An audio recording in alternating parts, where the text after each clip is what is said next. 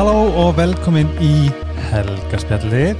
Uh, í dag erum við með mjög spennandi þátt, ég er mjög spennt fyrir honum og við erum nefnilega líka, sérst, bara svona ykkur að segja, þá er ég í nýju stúdíu, stúdíói uh, hjá podcastuðinni en mína græðir eru ennþá fastar í Danmarku í COVID ástandinu þar þess að þeir voru svona indislegir að leiða mér hérna bara frábært lokal og þetta er Nova Sirius uh, stúdíóð hjá þeim sem ég fekk og uh, ég fekk svona græju hérna hjá mér sem að gerir svona.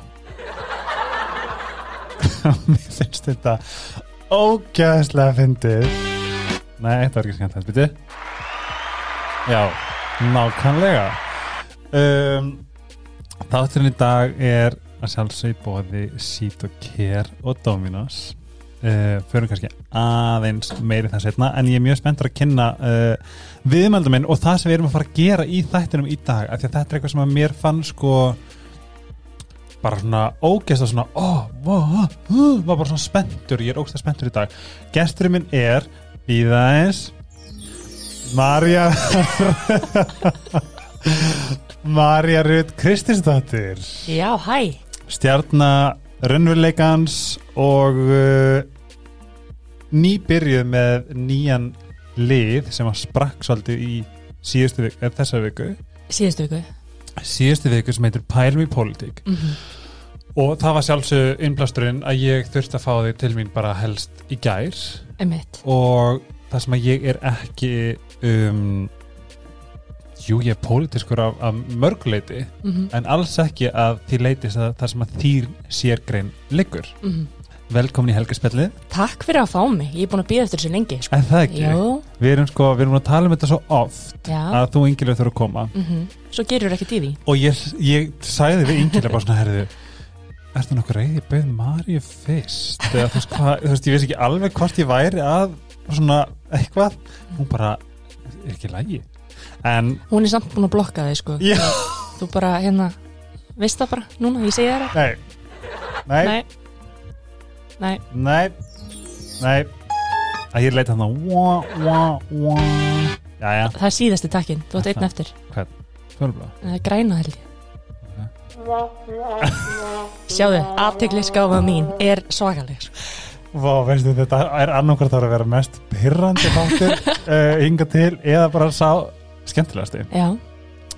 en þú ert uh, alls konar kona, Mhm. þú ert kona bestu vinkonu minnar Ingi Leifar Friðriksdóttir og þannig Mhm. kynnumst við Mm uh, ég fekk að vera í brúköpunniðinu sem veislustjóri með Helgulind meistara -hmm.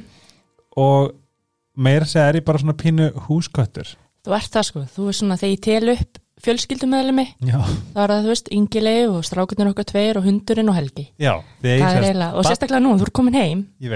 Þannig að núna er þetta bara hérna, kallar á vikulegt uh, update allavega, Vikulur, oftar. vikulur uh, dinner og kínaskák Já, uh, Við getum sagt það svoleiðis að þú átt tvö börn, Mhm. hund og homa. Já, er það ekki svona hérna nútíma fjölskyldan bara? Jú En hérna, ok, það sem við ætlum að ræða í dag það sem sprakk hjá þér í Mhm. síðustu viku Mhm. var þetta pælum í pólitík Mm -hmm. og ég verður að hrósa þið fyrir að hafa dem, demtir í þetta að því að mikið vantar eitthvað svona átlætt fyrir bara okkur að fá að vita smá Mm að því að ég þú veist, ef ég vildi þá myndi ég liggja á MBL en það er jafn mikið af uh, svona niðurdrefandi frásögnum og það er einhver svona upplýfgandi já, þetta er spennandi. Eða Einmitt, þetta er áhugavert. Einmitt. Og það er svona kannski rótin að því af hverju ég fór á stað með þetta er að þú veist ég og Ingilif sitjum bara á sunnudegi og, og þú reynda mistur af því og vorum að horfa á silfrið. Já, og hérna þú komst ekki, ég veit ekki ég kom við, manstu Já, að það var í við, svona já. bráðna ég, ég var að tala mikið Einmitt, einmitt, mistur af þættinum. Já. en allt í lagi, það er semst vikulegur pólitísku þáttur á rúf. Með agli. E, já og fanniðupinnu já, og, hérna, og við vorum að horfa á það og, og það var búið að vera mjög pólitísk vika. Mm. það var hann að e, mjög mikið verið að tala um hælisleitundur og flóttamenn og það var mikið verið að tala um stjórnarskrána og það er rosalega mikil undir alltaf af alls konar svona hlutum. En ég vil líka tekið eftir því að það eru mjög margir sem átta sig ekki alveg á því um hvað þetta snýst eða hvað þetta er í raun og veru. Þannig að ég hérna fór líka svona pæli bara upplýsingum hvernig við fáum upplýsingar eins og til dæmis á MBL eða annar staðar og svo samfélagsmiðla hvernig þeir spinnast inn í. Þannig að ég einhvern veginn svona hugsaði ég get alveg tekið mér tíma á sunnudugum og hérna útskýrt bara svona líkil hugtök í pólitík af því að minn draumur er svolítið að fólk pæli meir í þessu. Einmitt. vegna þess að pólitík er allt í kringum okkur. Uh, allar ákvarðanir um, allt sem snýr á okkar lífi og okkar samfélagi það er pólitík. Mhm. og svo kemur oft í baki á okkur að hérna samfélagi er ekki að fara í þá átt sem við viljum eða, eða þú veist það eru teknar ákvarðanir sem gerur okkur reið og þá segi ég þú veist þá skiptir máli að fylgjast með og vera vakandi. Mhm. um, pólitík þarf ekki að vera leiðileg Nei. en hún er það svolítið. Af því að umhverfið og fólkið og þetta rifrildi og, og þú veist, veginn þetta, þú veist, þetta umhverfi er oft mjög leðilegt bara. Einmitt. og það er vandamál. Þannig ég er að reyna með þessu pælum í pólitík að hýfa þetta svolítið upp úr því og svona fara aftur í korið sko, bara út, út af hvað gengur þetta Mér fannst, og það sem að mér fannst sko svo indislegt að því að eins og þú varst að tala með hælisleitundur og ekkerska fjölskyldan mm -hmm. um, þarna kom til dæmis sem maður horfði á uh, stóra pólitíkusa segja nei bara reglum verður ekki breytt það verður ekki, þú veist, bara búm búm Mhm. svona er kerfið já, svona er kerfið mm -hmm.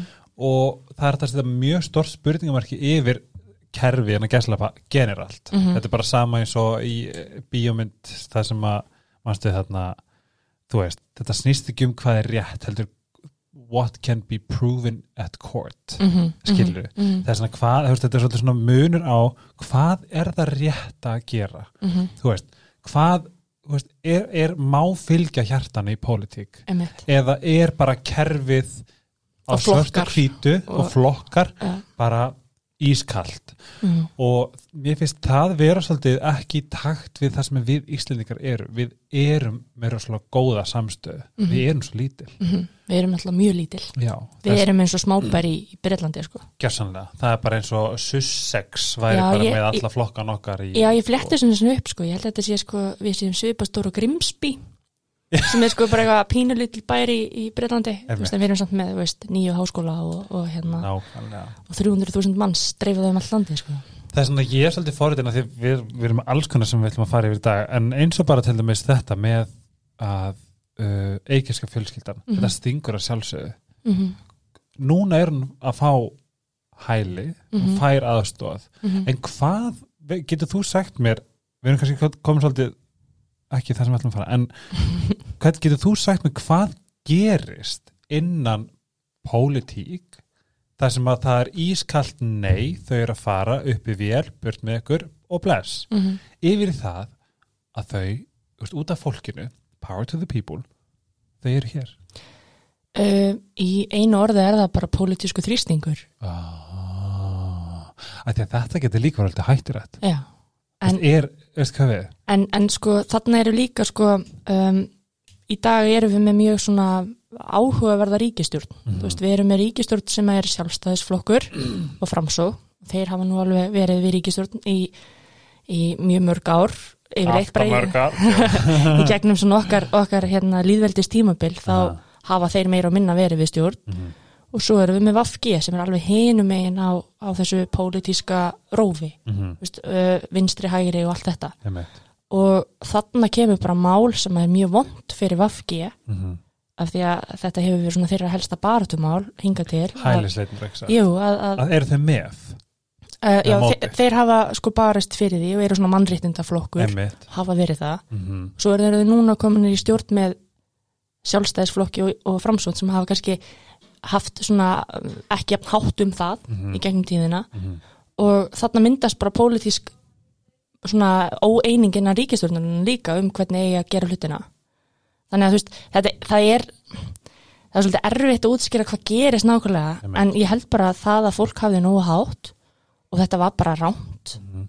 okkur, okkur fann, við fundum það öll í hjartanu uh, að þá var hægt að finna einhverju glöfu til að hérna, halda þessu fólki hérna heima en þú veist, kerfi það sem að ég þreytist ekki á að segja þú veist, kerfi eru mannana verk. Mm. við búum til kerfin. Ú, ég fekk smá veist, hverju, þá er það líka okkar að breyta þeim. Ef þau eru ekki að virka, mm. ef þau eru ekki mannúðleg, þetta þá er hægt að breyta þeim. Og það eru pólitískar ákvarðanir og í þessu tilviki tóku þau pólitísk ákvarðanum um að gera ekki neitt. Já, þanga til að allt í einu var tekin ákvarðanum um að gera eitthvað, skilur við þannig að, að hérna, ég segi alltaf sko, það er ekkert til sem heitir pólitískur sko ómöguleiki. Nei.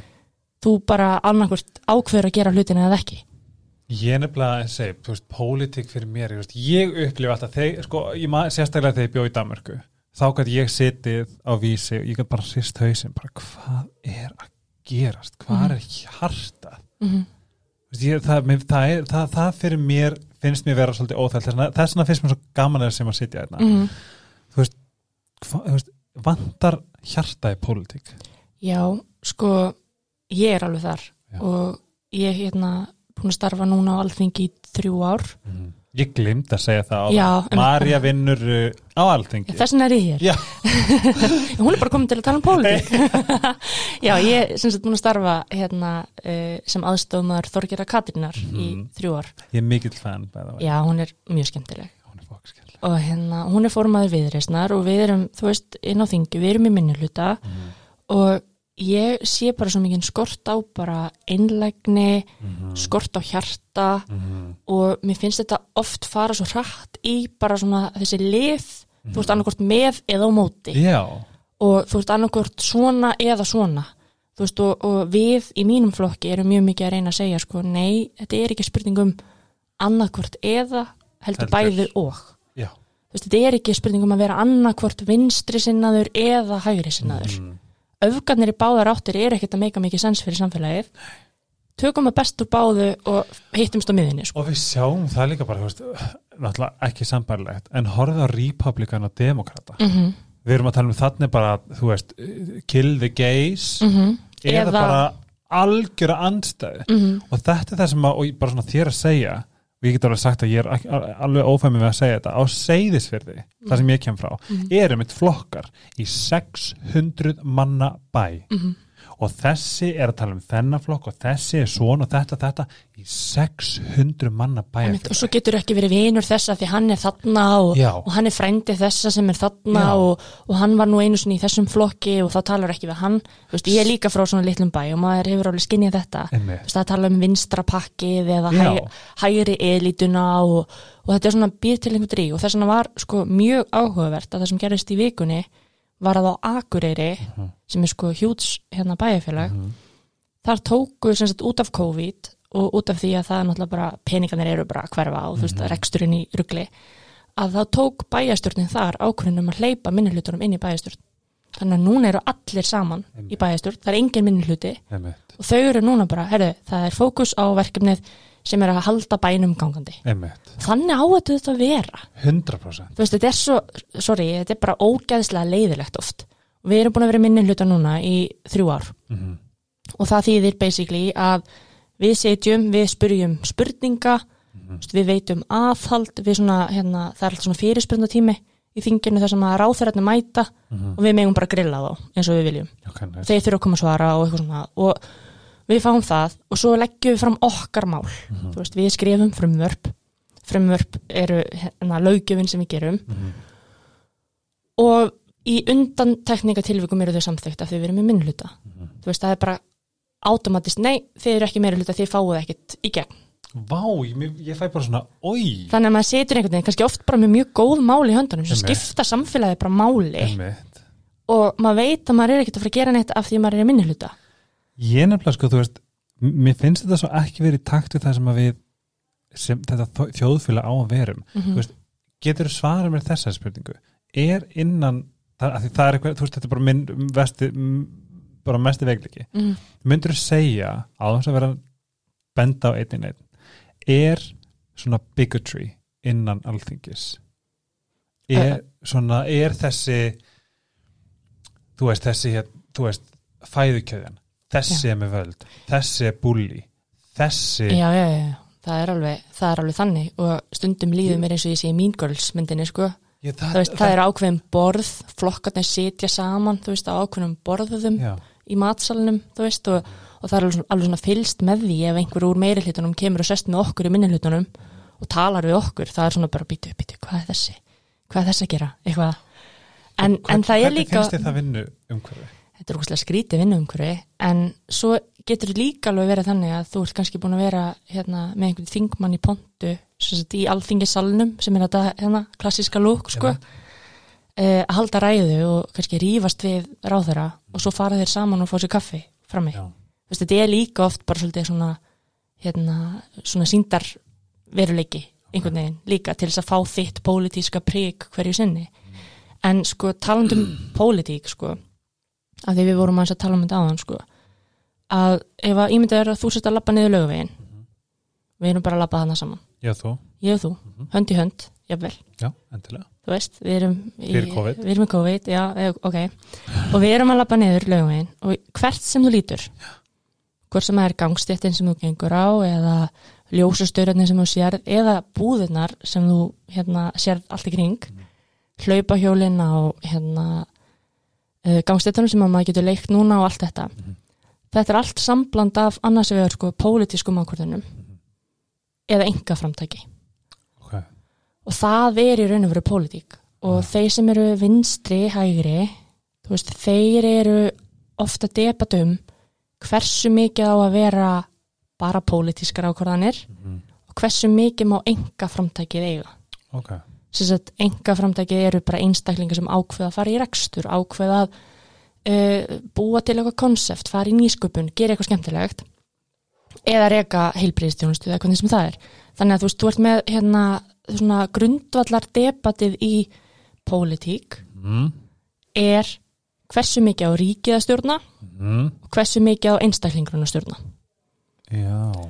Vinstri, sem sagt, gamli sko kommunismin eða sósialismin sem að, þú veist, var mjög, þú veist, Sovjetríkin í gamla daga og allt þetta það var, sko, þeirra hugsun var að ríkið áirinu veru að eiga og deila niður jöfnum gæðum á alla. Það er pínu vafki, ekki satt? Já, en þú veist, það er, já, það er, þú veist, vinstri sinnað fólk Já, segir að, þú veist, við eigum frekar að hafa herri skatta, mhm, bútið meiri jöfnuð mhm, og passa að fólk sé að fá nóg. ok, hægra megin þú veist, alveg hægra megin mhm, er meira að segja, herðu markaðurinn sem sagt bara fyrirtækin og fólkið leysir þetta. Já, þú veist, um, ríki þarf ekki að koma inn í góðar hugmyndir. Það er bara fólk að núti sem fær hugmyndunar og má græða á þeim. Og það er kapitalismi. Þannig að þú ert með Ok. sósialisma og kapitalisma. Hann er bara á Íslandi.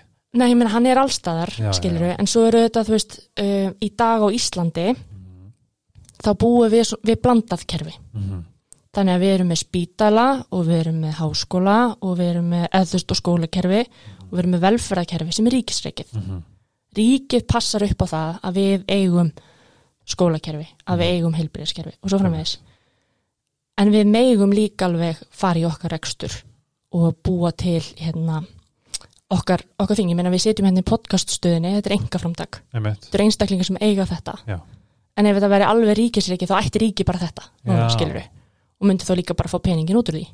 Og sá peningu væri notaður til þess að passa upp á velferð og svo framvegis.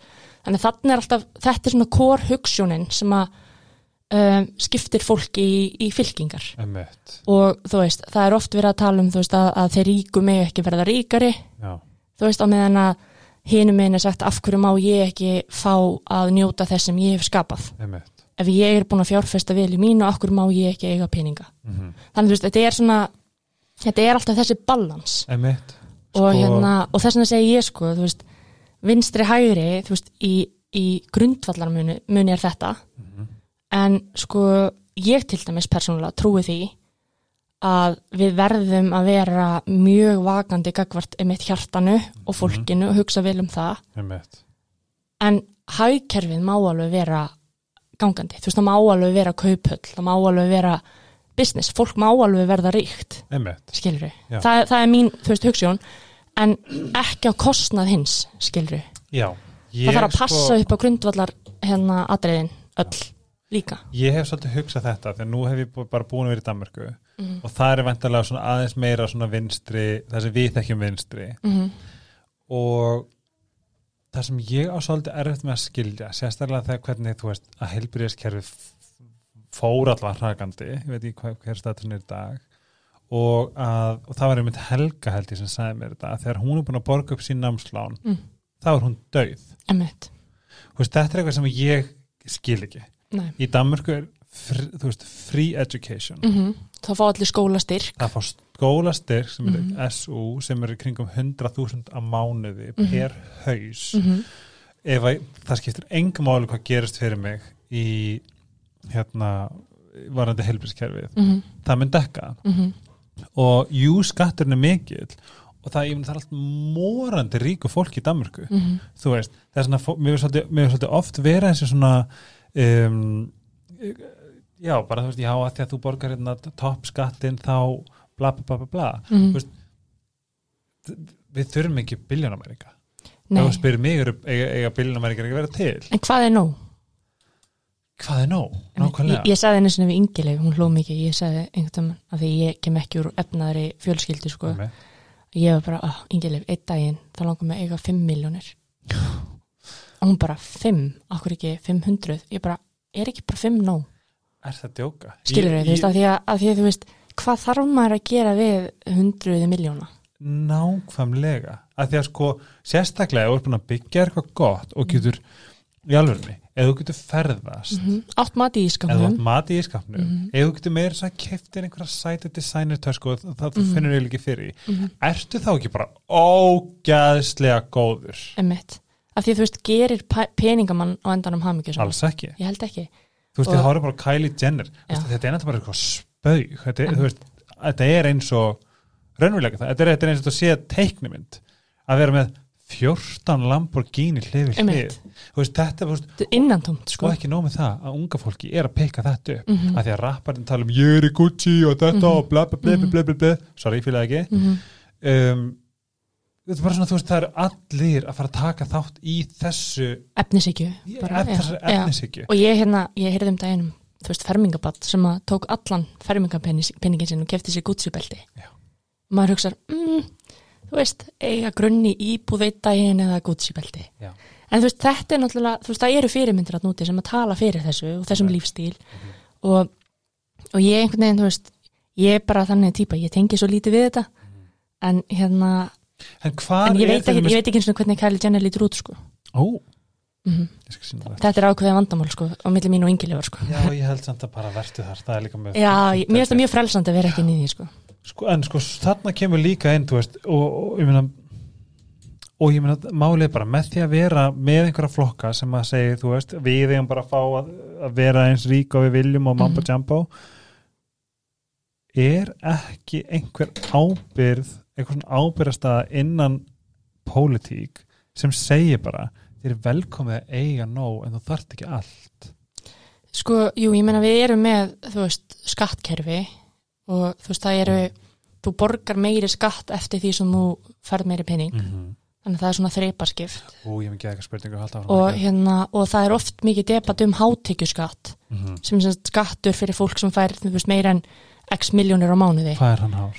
Ég, það? ég þekki það ekki alveg, eða þú veist, ég manna það ekki alveg, en þú veist, það það er yfir, yfir, 50 nei, yfir 40 og eitthvað prósent Já, af því og þú veist, og það er alltaf þetta debat um sko, hvort áttu að setja á hátekjuskatt á þá sem eru með hærri laun Mhm.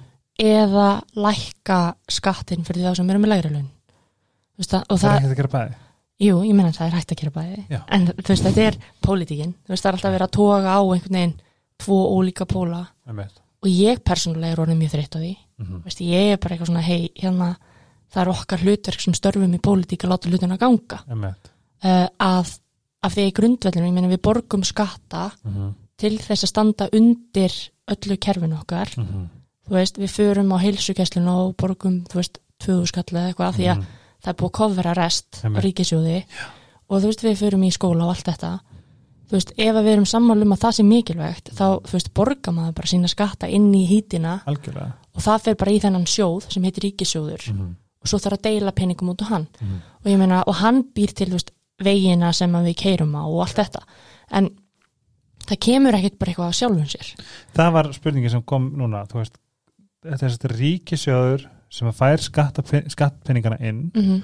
og er einhvers konar spilling þar inni já, sko, að ef við spáir í því það eru þetta sérhagsmunir sem að eru svolítið ríkjandi, þú veist, það eru hagsmunaöfl sem að græða á því að ákveðinu hluti séu ekki gerðir okay, eða ákveðinu hluti séu gerðir. Okay, og það er oft talað líka um svona kjördæmapot. Þú veist, hefur eitt um það? Nei, þú veist, kjördæmi, þú veist, það eru hérna kjördæmi í landinu, þú veist, þú þinn heimabæri er í norðaustur kjördæmi jú, jú, jú. Og það eru þingmenn þaðan sem að berjast fyrir því að fá ákveðna hluti í gegn þaðan, skiluru og það fyrir oft eftir hverjir eru með hagsmuni hvar, hvað verður sko. Og mér hefur oft fundist eins og að þessi miklu umfaldar að taka ákvörðunir um að setja einhverja miljarda í að byggja einhverja brú einhver staðar sem er alveg mikilvægt. En það er oft ótrúlega erfitt debat að tala um jafnrétti eða að tala um mannréttindi eða að tala andlega heilsu. andlega heilsu eða þú veist málefni fanga eða fíkni hérna efnaneytenda og, þú veist, og, og, og þarna einhvern veginn þú veist það er oft ótrúlega mikið bara já þetta kostar svo mikið. Og maður er alltaf bara býtu en hitt kostar líka ókslega mikið en okkur finnst ekkert mál að setja fullt af miljardum í það þú veist. Veist þú hvort að ríkisjóðurinn sé með við núna sé alltaf í plús? Já sko það er sko stefnan en, en skuldi ríkinsins er að hækka mjög hratt núna út af COVID. Já, og það var tekin ákvörðun um að láta hann frekar skulda meira. Mm uh, frekar en að fara í niðurskurð akkurat núna, sem er mjög gott. Já, að það niðurskurð þýðir bara að fækka starfsfólkum, st- starfsfólki og skera niður sko. heilbriðskerfi og velferðkerfi verður alltaf fyrst undir þar. Mm -hmm. uh, en þú veist, eitt dæmi bara um, um þetta, þú veist, við hérna þú veist, mitt hjartansmál bara svona, uh, þú veist, mitt sko mesta hjartansmál eru bara geðheilbriðismál og hérna, og við sem sagt lögum fram frumvarp í fyrra og í hitti fyrra, þurfum að leggja fram bara aftur og aftur og aftur uh, um það að ríkið eigi að nýðugriða sálfræðþjónustu sem þýðir það að í dag þá borgaru 17, 18 þúsund kall fyrir hvert tíma og ungt fólk er ofta ekki í stjættafélögum sem að niðugreiða eh, og þetta er, þú veist, getur farið einn sálfræði meðferð sem skiptir máli eru kannski 10-12 tímar þú ert komin upp í einhverja hundra áskalla og það er ekkert allir sem hafa efnað þessu og þeir sem hafa ekki efnað þessu eru kannski þeir sem þurfa þetta mest. Algjörlega. Og við sem sagt lögðum fram frumvarp um þetta og hérna og náðum þeim merka árangri í minnuluta að því ég var að tala um veist, hvernig það er að vinna minnuluta að við fengum alla flokka á þingi á máli Mhm. og svo núna í júni þá var frumvarpið samþygt og var það lögum. Yeah. Eh, það var það lögum núna og tekur gildi 1. janúar næsta ári. Okay. og við vorum ógeðslega glöð með þetta. Líka bara að hafa náður sér í gegn og þetta er náttúrulega bara mitt hjartans hjartans mál. Og þarna var ég bara, já þetta er ástæðan fyrir okkur ég vinn hérna, þú veist, Ég þetta er ástæðan fyrir að okkur maður er að veist, gefur þetta ekki þennan tilgang? Algjörlega sko. Þarna var ég bara, já, þú veist ok, ég er alveg að nýta tíma minn rétt. Er, þarna náðu við árangri. Og Þorgerður sem ég vinn fyrir flutti málu og þetta var bara, þú veist, þetta var bara stórt moment daginn eftir mætir Bjarni Ben, fjármálaráðra Mhm. í viðtal. Og er eitthvað, já, ég veist, þetta er alveg fínt málin menn það er ekki búið að tryggja fjármögnun. Skilur við hann segir basically, það er ekkit endilega til peninga fyrir þessu. Wá, wá, ég manni hvað takk þetta var og ég meina, ef eitthvað mála, þú veist, við erum að setja fullt af peningum í COVID hérna aðgerðir. Einmitt.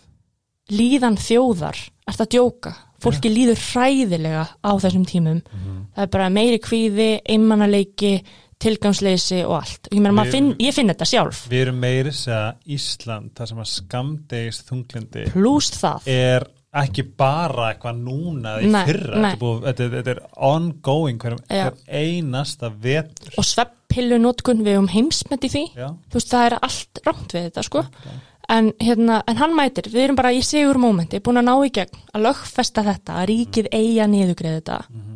Þú veist, ímyndaði mun, munin fyrir einstakling að borga kannski 3000 krónu fyrir hvað tíma staðin fyrir 80.000, þetta er bara gríðalegt taksmunamál og hann gat ekki bara komið og sagt flott mál, við munum tryggja þetta í gegn að því við erum í minni hluta, skilur þannig pólitíkin. Gat ekki bara leftis að vera gott mál. Þannig að, hann kom með eitthvað já það er nú, það er nú Þannig það verður áhugavert að sjá hvort okkur takist að, að berja það í gegn núna í haust. Eða hvort að- það Já. Eða hvort að sjálfstæðisflokkurinn ætli í alvörunni að fara þangað að hérna stoppa þetta af því þetta er ekki þeirra mál. En það er bara, þú veist, þá tökum við bara þá umræðu, skilur En ég hef bara áhyggjur öllu fólkinu sem að ég veit að þarf að þessu halda, sko.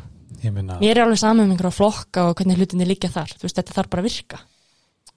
Ég er sálfræð meðferð Já, ég líka, for, for alltaf. Búin að vera í skilurðu. 14 ár, skilur Það er svona, ég vona innilega hér með að hvaða flokkur eða maður eða kona er að hlusta Mhm. ef einhver er náttúrulega alþingi að hlusta á þetta koma svo, mm -hmm. koma svo Einmitt. að því að þarna er líka, ég sverða sorry, mér finnst að þið finnst að segja það þarf að fara að sína fram meiri hjarta innan alþingis. Mhm. að því að það er stundum og núna, að því að núna, núna er ég hér ég sit hér sem maður sem veit lítið. En það sem að útstrólar frá þessu, þessari stopnun er kuldi, rifrildi spilling og bara svona bara svona ég hef ekki trú Einmitt. ég hef ekki von.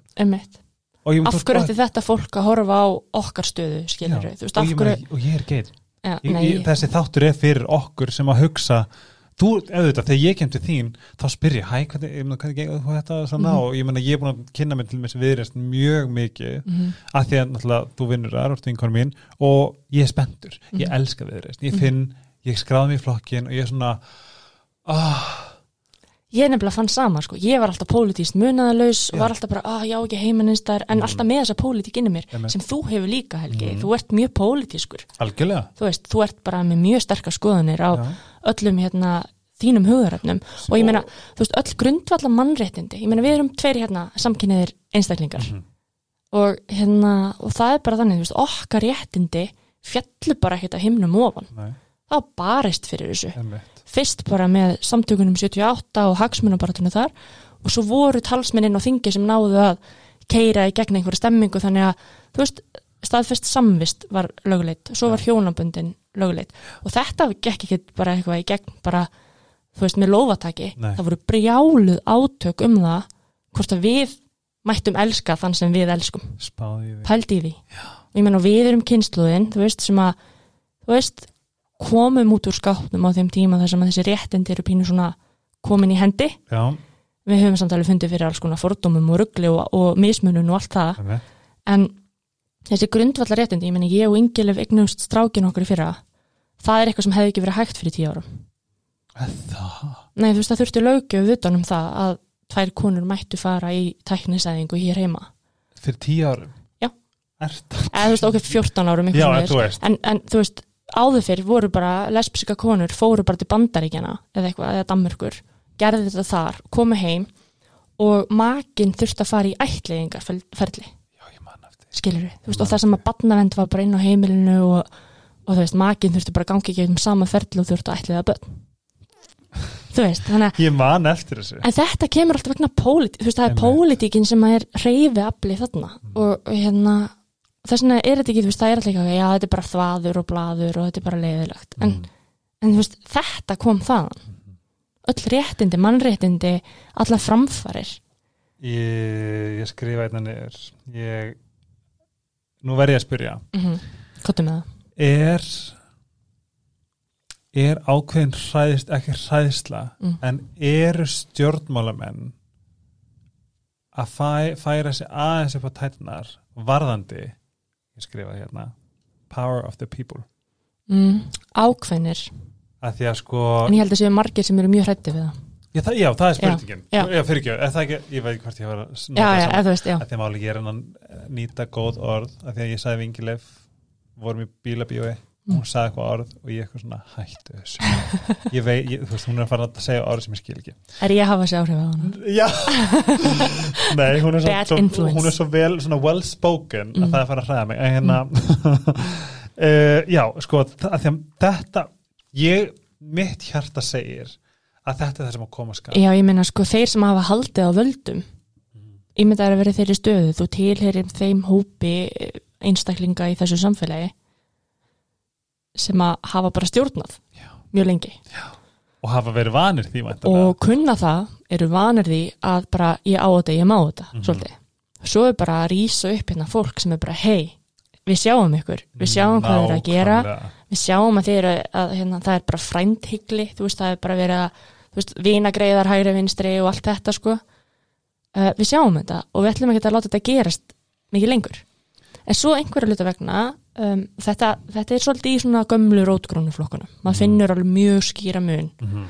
á því sem ég kalla svona íhaldsflokkar á Íslandi. Lengi sem eru bara 100 ára gamlir Já. með sínar stopnanir og Gildi gildi og, og, alltaf, ég, meni, þetta, þú veist, ég segi alltaf það er gott fólk í öllum flokkum. Mhm.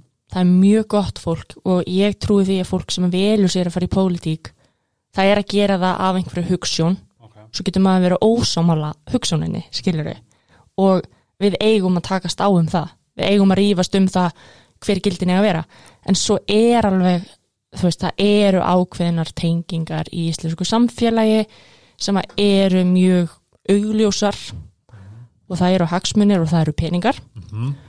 og hérna og ég held að sko næstu kostningar eftir ár, það eru kostningar 25. september 2021 ok, ég held að þær munu snúast um það viljum við áframhaldandi íhaldstjórn Mhm. eða viljum við stjórn, stjórn sem þorir að fara í umbætur? Nákvæmlega. Þorir að rugga bátnum pínu. Þorir að breyta kerfum. Mhm. og að kerfisbreytingan leiði til þess að lífskeiðin okkar verði betri.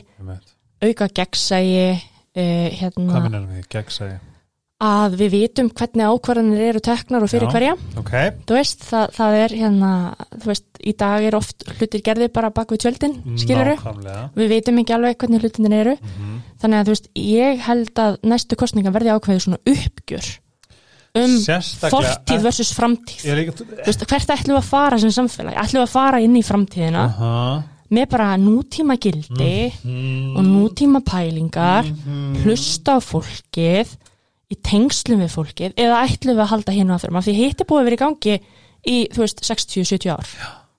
Þú Ég, það sem ég er að segja 2020, mm come on. Það er við erum að gangi um 2020 það er ástæð fyrir að við erum að gangi 2020 það er ástæð fyrir að við þurftum átt ekki sem knúsaði þegar komst einmitt. Vorum að spritta okkur hennar. Einmitt. 2020 er eitthvað til þess að kenna okkur. 2020, þú veist, maður hugsaður alltaf þegar það koma áskoranir, ok, Mhm. betur hvað er þetta að kenna mér? Na, Þú veist- algjörlega. Hvað heldur þú, hver er leksían með 2020?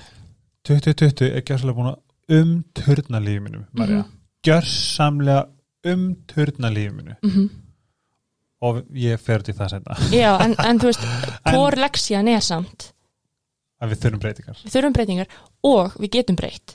Og við getum breytt. Ég meina, sjáðu, þú veist, COVID komandi í februar og við bara, við breyttum því hvernig við lifðum. Algjörlega þú veist, loftslagsvandin skilur, ég meina, allt í nú bara minkaði losun bara ógæslega mikið þegar við hættum að vera út um allt Einmitt. ég er ekki að mæla með því áfram ég vil mjög gætnan fara Herra. að lifa lífinu en við þurfum að takast á við Mhm. umhverfismálun, við þurfum að takast á við loftslagsvandan, skilur, þú veist, það er svona alls konar verkefni framöndan sem þýðir ekki bara eitthvað að afnýta Mhm. við segja, nei, þetta er ekki vandamál þú veist, Ég er með eina spurningu sem kom áðan þegar þú sagði mér að þú veist íhaldsflokkur og það er gott fólk á þingi sem ég Mhm. trúi 100 og miljón prósent líka. mm Getur þú staðfest fyrir mig að það er fólk á þingi til þess að finna fyrir völdum, til að finna fyrir sem að rauninni bara keira á egónu, keira á þessu þessu svona, já bara svona þessum svona þessu, þessu hlutverki þessu svona, þessum góðu launum Mhm. þessu svona og svona þú veist, er, að því að máli er ef ég mætti velja, þá er enginn á þingi sem er í neinum öðrum tilgangi en að bæta og, og betra bara -hmm. innilega bara hvað, er mitt hlutverk Mm til þess að gera, þú veist, til þess að bæta Ísland, bæta allt. Algjörlega. Og, og þarna ætlum ég aftur að segja skilin á milli þessara einstaklinga eru svolítið í þessum ásum sem ég var að tala um áðan. Ok. Maður finnur það mjög stert hvað sumi vilja bara ríghalda í núverandi ástand mm. vilja ekki breyta neinu, standa vörðum veist, allt sem að snýst að kerfunum okkar, hvort sem það er veist, fiskurinn, sjárútuvörun eða landbúnaðakerfið eða, eða stjórnarskráin eða annað skilur, þú veist, það er það er alveg svona mjög svona að sitja fast á þessu, Mm af því að breytingar um þetta Mhm. gera verkum að þeir missa pínu tökin á völdunum sko.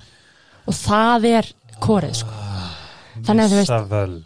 þú missir völd og ótti sko, maður hefur skinnið svolítið stert, þú veist um daginn þá hérna sagði við mig, af því að þú veist það búið að vera svo mikil mannréttindu bara mm þú veist við erum með Black Lives Matter og við erum með hérna málumni hinsegin fólks og við erum með þú veist bandaríkin skilur sem eru í bara rjúkandi rúst Mhm. af því að fólk er hægt að tala saman einhvern veginn um lífið sitt og gildin sín og allt þetta að hérna þú veist ótti þú veist það að óttast breytingar og vera, þú veist, finna fyrir ótta er svo mannleg tilfinning Algjörlega. og það gera verkum að þú einhvern veginn hörfar frá þú vilt ekki, þú vilt ekki að þetta gerist mm -hmm. þú er svo hrættur um að eitthvað verið tekið af þér Mhm.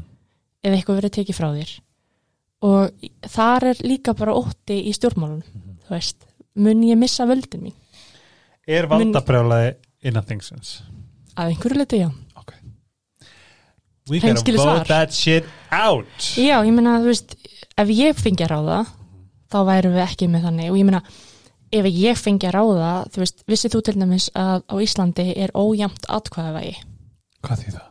Það þýðir það að þeir sem að kjósa í Reykjavík Já. eru með minna atkvæðavegi en þeir sem kjósa á vestfjörðum eða í, á seðisfjörði. Er það? Hvernig maður það vera? Af því að landsbyða atkvæðin gilda meira. Er það? Mm Af því að þannig er kerfið okkur hannað. Og hvaða flokkar eru það aftur sem eru með svolítið mikið lítök út á landi? Þú veist, það eru ákveðinir rótgrónir flokkar sem að græða á þessu kerfi og vilja alls ekki breyta því. Og meðan ég, ég- er meira bara eitthvað herðu, það eiga allir bara eiga sitt atkvæði. Mm -hmm. Það er bara jaft yfir alla Mm -hmm. og svo trúi ég heldur ekki á þetta að þú ert annarkvort þingmaður fyrir landsbyðina eða höfuborg. Þetta er eitt samfélag veit. Og- og þú veist, við eigum bara að láta okkur allt samfélag okkur varðar, sko. Eru margir, myndur getur þú trúa að það séu margir í þessu upp á launin og Mm. upp á peningana? Nei, ég veit um marga sem lækka í launum við að fara í pólitík. Já, ok. Það er eiginlega, hérna, Það kallast ástriða. já, það? kallast ástriða, en, en jú, jú, þú veist, það eru þetta ákveðin kjör og fríðandi sem fylgja því og þetta eru þetta, hérna, þetta eru góð kjör, þú veist, ég er ekki að segja það. Og þannig En- kom aftur að saman bara hversu mikið þarftu, Já, já, hversu mikið veist. En hérna, já, algjörlega, ég held að, að hérna, það er svona, það eru þetta einhverjir sem fara inn fyrir kaupa kjör og stöðuleika, en þetta er samt engin stöðuleika af því að ef að ríkistjórnin fellur þá þarf það að fara beint í kostningabarátu, sko. Uh. Og þú ert bara með stöðuleika fjögur ári einu, sko. Ok, ég ætla að gera þetta með, við fengum spurningar, Já. sendar frá uh. From the People From the people. og luxusfandamál, þetta er allt horfið. Um, við ætlum að fara í smá uh, spurningar, að því að, að því að þú veist, Og aftur, ég svara bara frá mínu hjarta, sko. Ég er ekki að svara fyrir flokkin sem ég vinn fyrir eða... nei, og við erum ekki heldur sko. að fara að tala um fólk. Nei. Það er eitthvað sem að bara, það er okkar um, okkar gildi Ég hjóla í boltan, ekki mannin. Ég, hérna, það er eiginlega svona það er það sem sem ég langar að gera. Ég, hérna, En frábært hérna saying. Já, þú veist, þetta er eitt af grunngildunum okkar. Amma við mig, ég er hugst um það ennþá uh, sá sem hann, hann lifir, sá sem læris eitthvað svona. Mm Ok, hér kemur fyrsta Great Profile Wink Takk fyrir þetta uh, Hér kemur eitt fyrsta um, Hvernig virkar kvótakerfið? Já, ok. Þú mátt segja pasko Því Nei, ég, ef þetta er ekki skemmtilegt þá náttúrulega Þetta er ekki skemmtefni, en Í það sem að ég, ég get dráttum sko í grófum dráttum sagt Já. að áður en að kvótakerfið var sett á, þá máttu allir fara bara út og veiða Mhm. og það sem var að Ok, heyrist það ekki það sem var að gerast á endanum var að við vorum farin að of veiða Mhm. fiskinn og ef við hefðum gert það þá hefðu, hefðu við bara eigðilagt stofnana. Þú veist við hefðum þá bara hætt að finna þorsk eða ísu veist út í sjó. Og kvótakerfi var sett á til þess að koma í vekk fyrir þetta. Þannig að þú veist ákveðnir aðilar sem höfðu veitt í ákveðir ákveð tíma fengu kvóta. Þá er það bara x mörg kíló af fiski sem þú mátt veiða hérna, mörg tonn af fiski sem þú mátt hérna, veiða á hverju ári og þarna auðvitað þá eignuðust ákveðnir aðilar sem voru þá einstaklingar eða, já, einstaklingur og fyrirtæki Já. eignuðust þannan kvóta okay. Er það ekki svolítið styrla? svo gerist það eftir einhver ár að það var leift að framselja þennan kvóta þannig að þú eignaðist fyrst bara í hendurnar kvóta frá Ok. ríkinu Af því að þú ert væntalega fiski maður eða fiski fyrirtæki Já, þú varst búin að vera sjómaður, ímyndu okkur bara Óli sjómaður, Já. hann var bara búin að vera veiða í nokkur ár. Já, já, emmitt og svo kemur kvótakerfi og til þess að hann fá að vera áfram sjómaður þá fær hann Kvot. kvóta. Og hann veiðir áfram á grundvilli þessa kvóta í einhver ár. Og hann er kannski bara honum pínu þreyttur og, og nennir ekki að vera veiða lengur eða langur að stækka eða byggja við sig eða hvernig sem er. Mhm. þá er komið nýlög sem er um framsal og kvóta sem gerir verkum hann má selja Jóa sinn kvóta ah, og fá fullt af peningum fyrir það. Já, og það er svona grundvallar ágreiningurinn um kvótakerfið. Ok. Er sko hvernig þú getur tekið hlut eins og fiskin sem er uh, auðlind. Mm, þetta er samign þjóðarinnar. Emmitt, þú veist þetta er náttúruauðlind.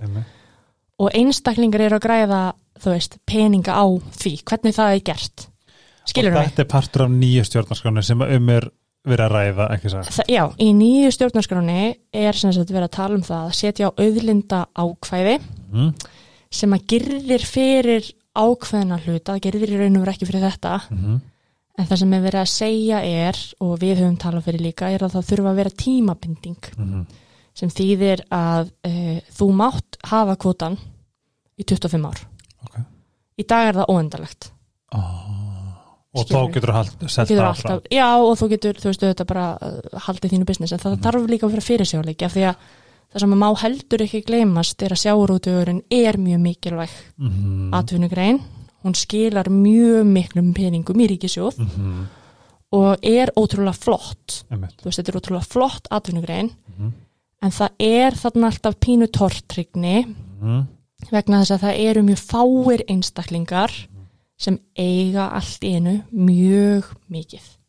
Allt og mikið. Vegna og þú veist samherjamáli og allt þetta, veist, þetta fjallar allt um þetta. Ok. þú veist, að, að það eru fáir einstaklingar sem hafa eignast rosalega mikið Einmitt. vegna kvótakerfisins. Mm, en bottom lineið er þetta þarf að virka mm, og við þurfum að treysta því. Mm, og svo kemur aftur gegnsægi, mannstu eins og vorum að tala um aðan mm, leikreglurnar þurfa að vera skýrar þannig að allir græði Og sanngjarnast þannig að þjóðin og almenningu treysti því að þarna sé verið að fara vel með auðlindirnar.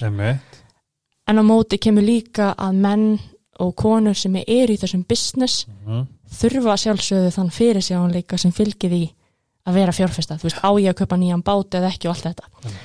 Þú veist, var Þetta þetta er- ofleiðilegt eða? Nei, veist, þetta er bara, þetta bara sumar þetta mjög þægilega skilur, skilur hvað ég er að tala um og þetta er, þú veist, einmitt nýja stjórnarskráin, ég held að það sé mjög spennandi að fylgjast með hvað gerist þar að þessu leiti já. núna þegar við vitum þetta. Já, en það sem er að gerast með það, því miður, er að ríkistjórnin, sagt sjálfstæðsflokkur, framsóknarflokkur, VAFG já, og miðflokkur, já, eru núna að búa til auðlenda ákveði, vissulega, mm ekki með þessari tímabindingu. og þannig eitthvað.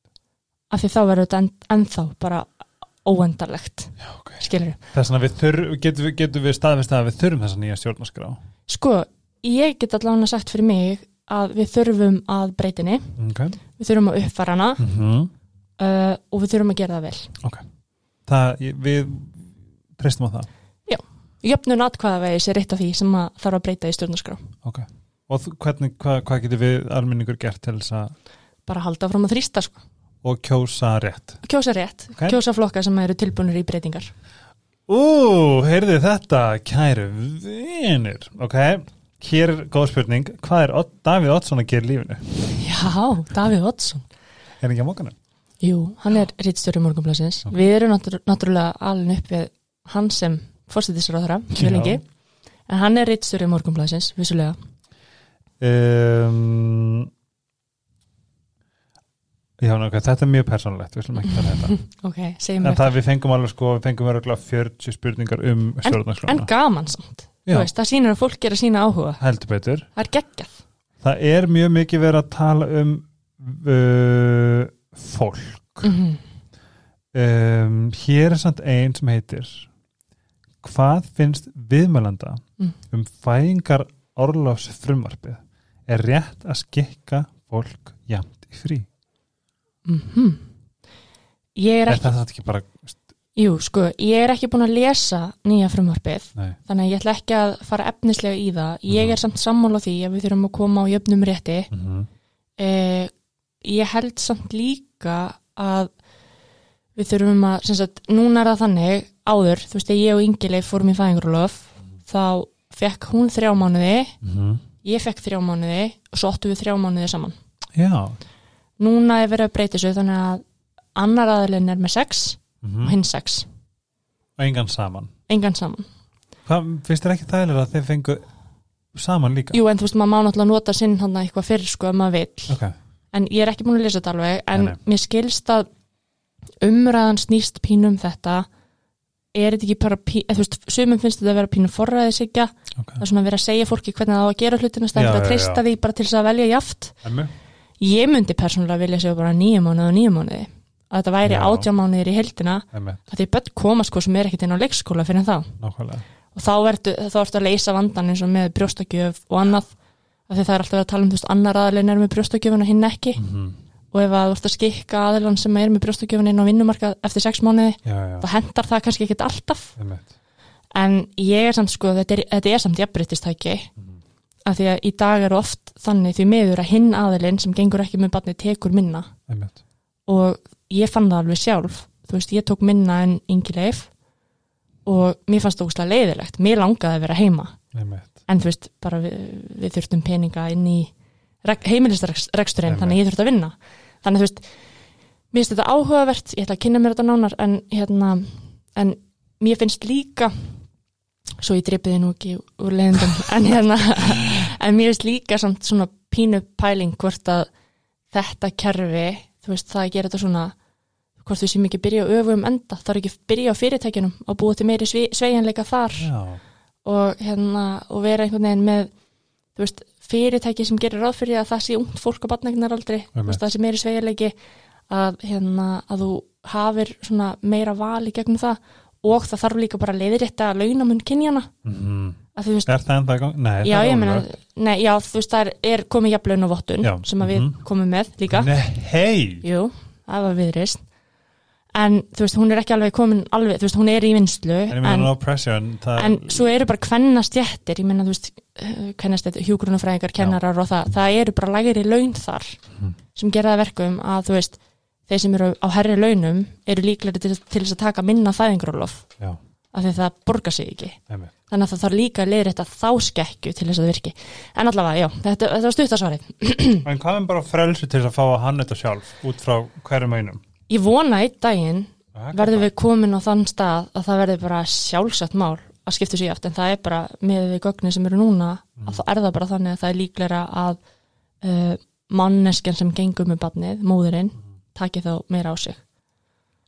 Þannig að svo kemur hérna ein. Við getum, við getum bara svolítið svona ég ætla ekki að segja að djóka með þetta. Ok, en, spennt. en getur þú please rætt klaustusmálið og hvar þar stendur núna? Þvílíkur skandall. Mhm. Mm um mitt Það er hvað mér finnst. Já, Þú veist að því einhvern veginn einhvern veginn hérna mér finnst þetta svona lúmst auðvelt. Mm. Í mínum huga. Hvernig þá? sko mér finnst bara einhvern veginn ég ætla að trúi því mjög mikið að þú átt að rísa og falla með því sem þú segir. Mm og þetta síndi absolutt bara hvaða karakter þau hafa að geima -hmm. og þetta komst upp og er ekki bara spurning að leifa þeim svolítið bara að sitja svolítið í því þú veist, ég myndi aldrei vil, veist, og bara pluss, ég myndi að það, það eru afleggingar með því að segja enn orðið hér, Einmitt. þú veist, það eru Einmitt. afleggingar að segja faggi það eru, eru alls konar afleggingar það eru afleggingar fyrir fólk sem er í kommentarkerfinu þú veist, þeirra vinnu vi- þeirra vinna, haf, fólk er rekjuð með því að vera á DFF að tala um bara mjög hræðilega hluti. Akkur var ekki bara að reyka þetta leið af því að það virkar ekki þannig. Er það ekki? Nei, Bara svona, herri, þetta var ekki bóði Þú skeist út. Eina leiðin til að reka þá er að uh, kjósa þá ekki aftur á þing. En þá er þetta bara okkur fólkinu. Mér finnst, mér finnst þetta bara vera svona Mér finnst þetta ekki vera Þú veist, málir, þau, þau skitu svo fast. Mm. en svo bara stuttu setna þá hérna þeir fóru niður í einhver 5-6% Já. þau voru alltaf í 12% sko, hrundu þarna eitthvað niður. Þau eru komin aftur upp í 10-12% sko. Ég, þú veist, er segja. Er fólk ekki- gleymir, er- fólk gleymir svo rætt hérna í Íslandi, sorry, það er alltaf bara næsti skandall næsti Já, skandall, En ég fæ bara svona, er ekki djókin bara á okkur? Þú veist, það ég er meina að þetta er bara undir fólkinu komið. Að velja þá ekki þessa Var þetta einstaklinga miðflokkurinn? Já. Þetta var miðflokkurinn og flokku fólksins þá en þeir sem voru í flokki fólksins fóru síðan yfir í miðflokkin Getur þú gefið mér smá svona bara af því sem þú veist Mm. ef ég les upp flokkana mm -hmm. kann, eh, gæti ég sagt svona, getur þú gefið mér Ég verði til að heyra hvað þú heldur fyrst og svo skal ég segja. Ok, Skemmtilega leikur. Ok, þetta er mjög skemmtilegur mm -hmm. um, Við ætlum að byrja á sjálfstæðisflokknum. Mm uh, Sjálfstæðisflokkurinn er kannski ekki beint í svona mínu. Ég vil fá hérna því ég er búin að búa í Danmörku og það bara virkar fínt. -hmm. það lifa allir af það er allt morandi í rí, ríku fólki. Í norræna velferðarkerfinu. Já, bara eftir að greinast meina, það, það eru flestir í kringum í ríkir. Mm -hmm. þú veist, þá, þá vantar engum neitt. Þú veist, launin, hvað er svona meðal nei, svona lægstu? Lámarslaun lámaslaun mm -hmm. dekka, Mm held ég bara allt, -hmm. skilur það er svona ég upplifi smá hróki það er það sem ég upplifi frá þessum flokki. Og ég Mhm. sé það stundum mér finnst ég stundum sjá það í fólk í augunum á fólkinu á sjálfstæðsmunum uh, framsók það er vantar ekki Sigmundur Davíð lengur. Veit, Nei, Sigmundur Davíð var í framsón hann stopnaði síðan miðflokkin eftir að hún var hafnað eftir vindrismálið, mannstu eftir hérna Panamaskjölin, jésus hann fór og stopnaði sín eigin flokk en skil En í dag er framsóknir Sigurður Ingi og, og hérna Ok, ég skal samt gefa honum mjög góðan, uh, gott rós þó, við erum ekki að tala um, við, veist, ef við höfum gott að segja, þá gerum Já, alltaf. Við um, Hann er held ég að standa sér mjög vel sem væntalega, hann er ekki hérna uh, er Hann er sveitastjórnar málaráðra Ó, Samgöngu og sveita. Samgöngu? Já. Já, af því hann er held ég búin að bara koma mjög vel fram við okkur að segja sér fyrir fjörðarheggang Já, já, um mitt og bara hrós honum fyrir það Sem er risa mál það risamál og þú, það er keflegur flugullur mm og það er segisurður -hmm. sem er að koma inn með the, the Gateways. The Gateways. Mm -hmm. þetta er no-brainer Mhm. og hann hefur fattað Mhm. en þetta er búið að vera mikill uh, Bara í ára tíu, þegar um og við fáum það ekki fyrir um 2024 eða eitthvað. En það, er, það kom flýti meðferð. Það er svona Sigurður eða eftir núti takk fyrir okkur og bara haltu áfram að uh, stiða okkur. Já, hann er fýtt kall, hann er það. Um, samfélkingin var það sem að ég held í gamla dag þessi millivegur. Mm -hmm. sem að, þú veist, að þegar ég var þegar ég bjó á Íslandi síðast þá í minningunni var bara XT framsókt sam, samfélkingin. Það voru bara fjóri flokkar. En það, hver er fjörði? Vafki, Vafgi, já, einu sinni voru bara fjórir. Já. Það er nefnilega þess að samfélkingin bara virkaði ákveðlega á mig en ég hefði örgulega ekki kosað hana. Mm -hmm. svo er þetta viðreist, ég er búin að kynna mig það mjög vel, þetta er eitthvað sem ég bara, að því ég vissi að þú ert vinkona mín og ég, eins, og, ég, ég ringdi í því og sagði að ég væri með Marius síkiskast það sem ég vantaði bara að fá ráð og svona smá bara frá, frá, frá hvað er þetta, bara smá visku frá þér og eftir það náttúrulega það fer, ég út í það að bara ég kynnti mig málið mm -hmm. og mætti í teiti og ég Mm -hmm. ger allt saman og er búin að kjósa mig flokk sem er viðreist Mm -hmm. Og pluss mér finnst Mér skaman að vera í sama lið og þú. Við erum náttúrulega í mörgum Mhm. sömum liðum sko, -hmm. er störfend Ég get alveg verið það fyrir þig. Á já, bætum því inn. Píratar mm um, sko í fljótu bara því ég veit ekki neitt skilur Mhm. mér finnst að ég upplifa það sem stórskrítilið Já, ok. Mér finnst að vera pínu bullarar ah, því maður bara fyrst þegar ég var eitthvað hérna, þegar ég var að kjós, þegar ég kjós, kjós þarna. Já, uh, 2018 mm þá, 17 17, þá verið ég að spjalla við eitthvað hann alltaf uh, kjósa pírata og þá var eitthvað svona málefni í gangi sem ég var svona, ha mm. Einmitt. er þetta, er þetta eitthvað svona gildi og veist, það er svona, ég var bara ringlegar það er svona, út með þeim fyrir mig, persónulega Vafgi er ég mjög jákvæð fyrir Mhm. mér finnst þau standa fyrir uh, jafnbretti Mhm. og svona hérna en ekki minn flokkur Einmitt. og svo átt eftir tvo ég ekki? ætti tvo fokk, flokkur fólksins veit ekki neitt Nei. veit ekki hver situr á neinum stól Inga Sæland, hefur heyrt um hana? já, æ, hún er samt svona dúlega Já. hún allavega er ástriðið full og krútleg Já, og miðflokkurinn máflokkur Jók uh, Er það ekki vesturflokkurinn? Er það ekki bara Trump? Eða? Já, ég meina, þú veist, þeir ala pína og óta og eru svolítið svona að gæla við mikinn populisma, sko, þú veist, það er Já. alveg þannig, þannig að við þurfum alveg að vera vakandi fyrir því. En Má maður en- vera pólitiskur í podcasti? Já, Eða þú veist að þessu leiti, mátti ég segja þetta? Já, ég meina, þetta er þín skoðun. Já, æ, Það er þú veist, og líka bara og mér finnst bara En ég held, stjórnlandin ekki vera vola svona, svona trúverðugur nei, en sko Sigmundur má samt eiga það að hann er klárkall, sko.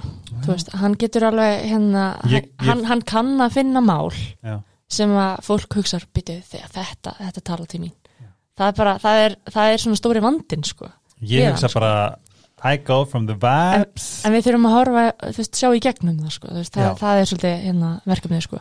En ég held, sko, þetta var ágættis greining hjá þér á þessum flokkum. Ok. Um, svona, hérna, uh, þú veist, Æ, sorry, fólk sem er að hlusta sem Já. er í miðflokknum en þið veitir hvað, ég er líka bara að vera að fyndi ég er ekki vissum að sé margir að hlusta á Ok. þeim sem það er í miðflokkum. bara ekki hægt að hlusta helga spjallir saman Nei, nei en, en sko, eins og ég segi, undirstrika, það er gott fólk allstaðar og hérna, og, og, og- getum við emphasizað að það Já, er, já, það er pottitt stórkoslegt fólk í og miðflokknum hérna, líka. það sem ég hef líka sagt, sko, er að, þú veist, flokkar sem ala útlendinga, andúð, Mhm. Vilja að Ísland sé fyrir Íslendinga, vilja loka hérna landamærunum og allt þetta. er það miðflokkur? Já, já, já. Þeir eru alveg svolítið ala pínu á þeim ótta og ákveðin armur sjálfstæðisflokksins líka og hérna, og svona flokku fólksins að einhverju leiti líka. Að þetta er svona hérna fólki sem segir sko hérna, eigum við ekki nógu um okkar?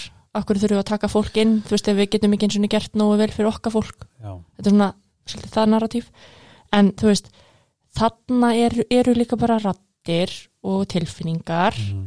sem ég held að þurfa að hlusta á Mhm. af því það sem að gerðist í bandaríkjunum það trúður náttúrulega enginn að Trump byrði fórseti Nöp.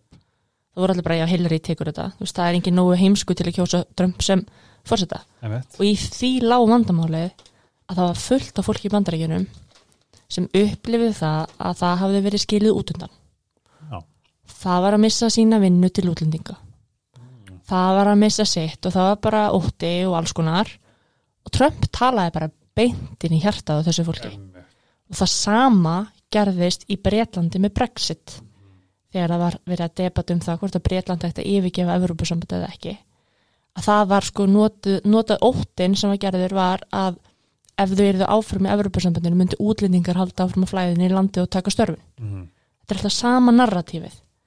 Og við erum að sjá það sama gerast núna uh, á ákveðin hátt í Ungverjalandi og Pólandi og fleiri löndum þar sem núna er mjög mikið verið að grafa undan réttundum samkynneðra að ótta við að samkynneða fólki sé bara taka yfir heiminn þú veist, og þetta er alltaf þessi ótti og fordómar byggjast á fáfræði.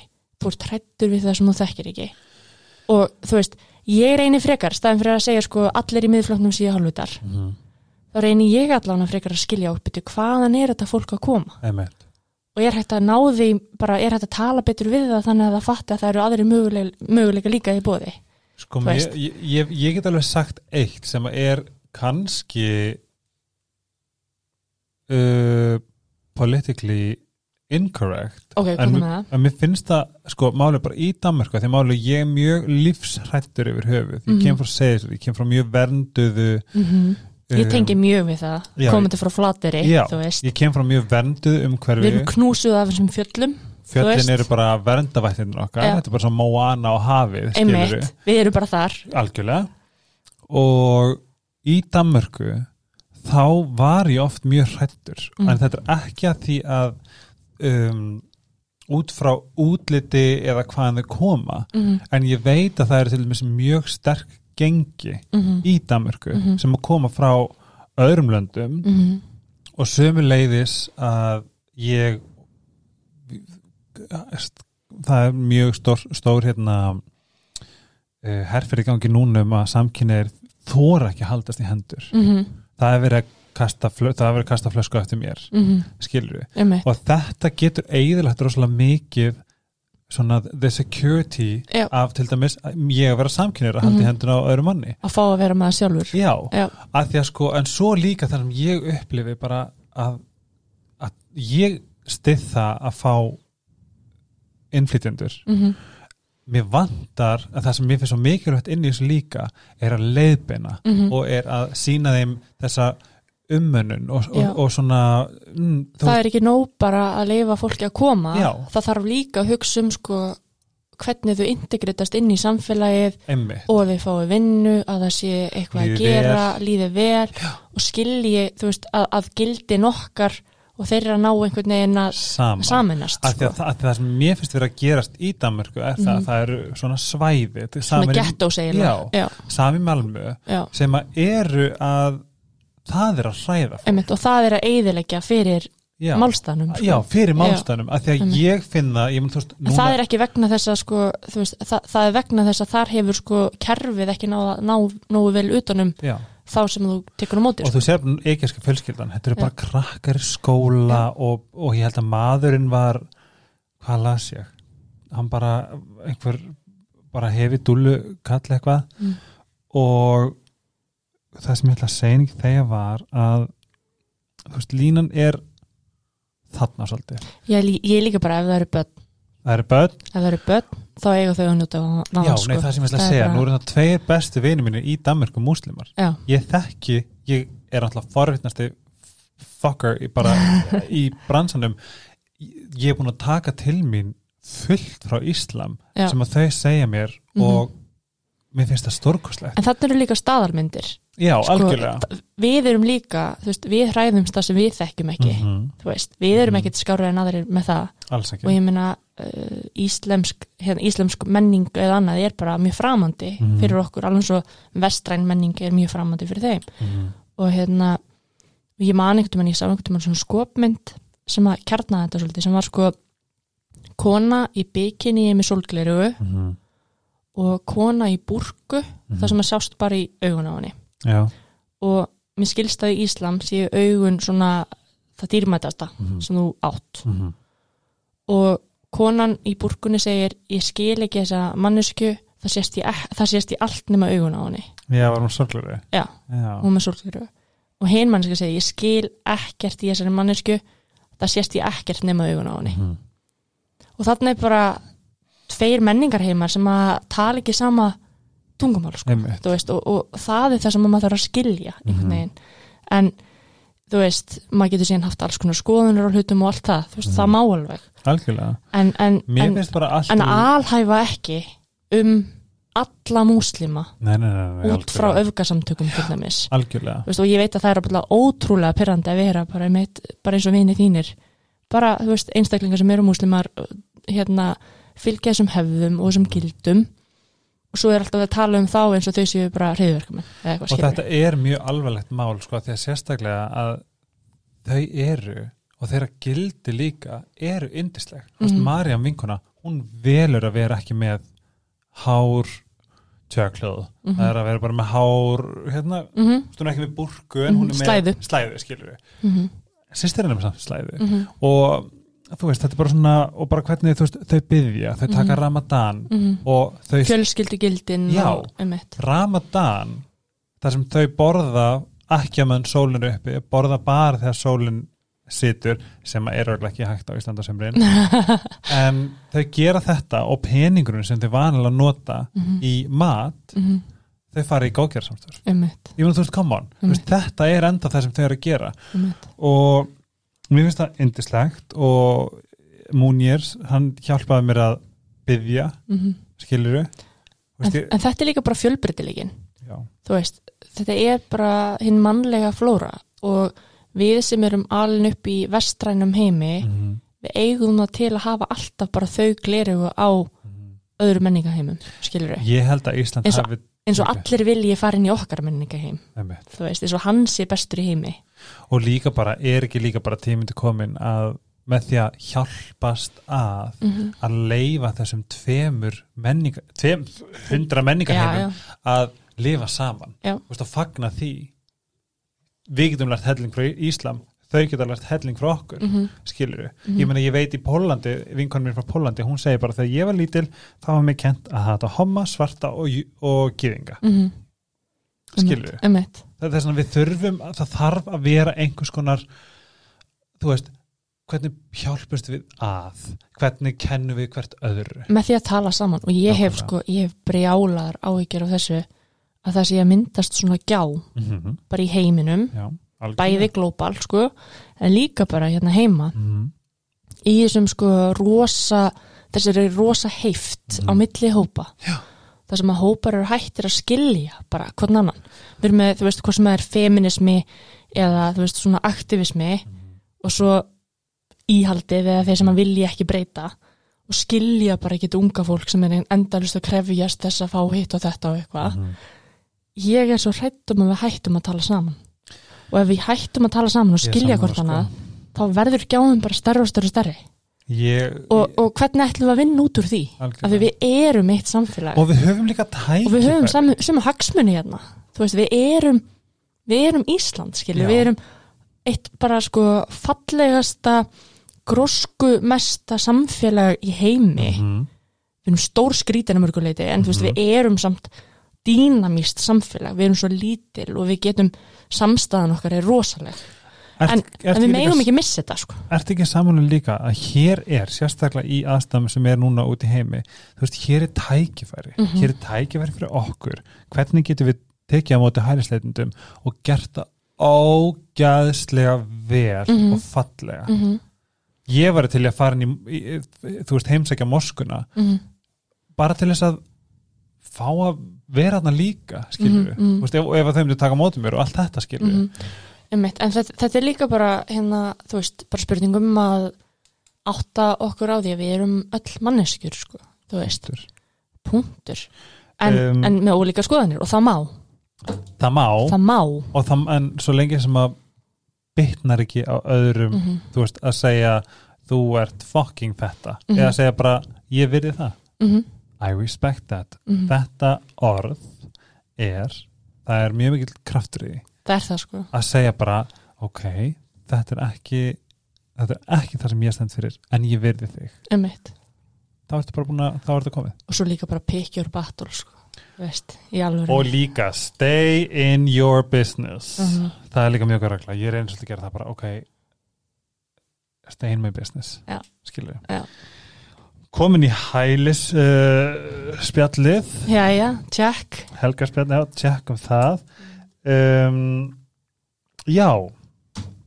Nei, já það sem ég ætla að spyrja uh, núna þegar þú ert náttúrulega inn á þingi ég er Mhm. búin ít að taka óslega lengi. Ok, hvað er með það? þannig að velja? Um, ljósblái.